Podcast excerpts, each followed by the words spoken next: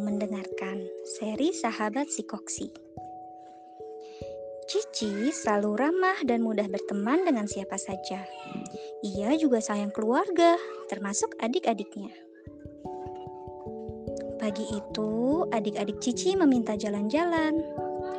Kakak, ayo kita jalan-jalan, pinta adiknya. Wah, boleh. Ikuti kakak ya, kata Cici. Cici berpesan, tapi jangan pergi ke pinggir sungai ya. Licin karena semalam hujan. Siap, Kak. Kelima adik Cici begitu semangat mengikuti langkah kakaknya. Salah satunya bernama Cibu. Ia yang paling bersemangat dan penuh rasa ingin tahu. Cibu melompat ke sana kemari. Sesekali ia berhenti dan mengamati dedaunan. Kadangkala ia memanjat ranting pohon atau menggali tanah. Cibu, tetap dekat kakak ya, jangan sampai ketinggalan, kata Cici. Cibu tidak mendengarkan pesan kakaknya. Ia pun terpisah dari rombongan. Kini telinga panjangnya mendengar suara air mengalir. Wah, sepertinya dekat dengan sungai. Aku mau lihat sungai ah. Sungainya besar. Aku mau pegang airnya. Dingin tidak ya? Kata Cibu sambil melompat semakin mendekati sungai. Cici baru sadar jika Cibu tidak ada dalam rombongan. Ya ampun, ke mana Cibu? Cici mulai panik. Keempat adiknya menggeleng tidak tahu. Ayo kita cari, kalian tetap bersama kakak ya. Saat Cici kebingungan mencari adiknya, datanglah Koksi dan Lulu.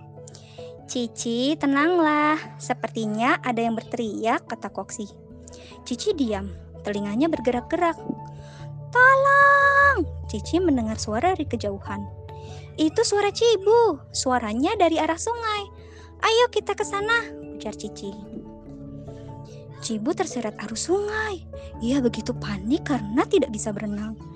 Cibu, teriak Cici. Kakak, tolong!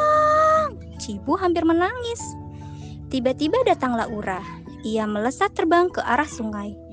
Pegang batu besar di sana, Cibu, kata Ura.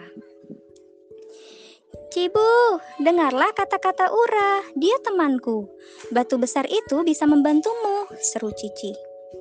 Cibu berusaha sekuat tenaga menggerakkan tangan dan kakinya. Hap!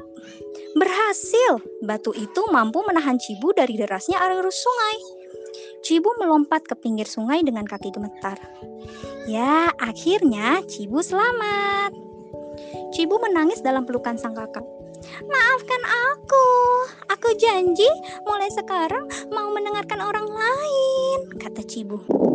Iya sayang, kita diberi anugerah telinga yang peka. Gunakanlah untuk mendengarkan sesuatu yang baik, ujar Cici. Terima kasih sudah membantuku, teman-teman, kata Cici pada Ura, Koksi, dan Lulu.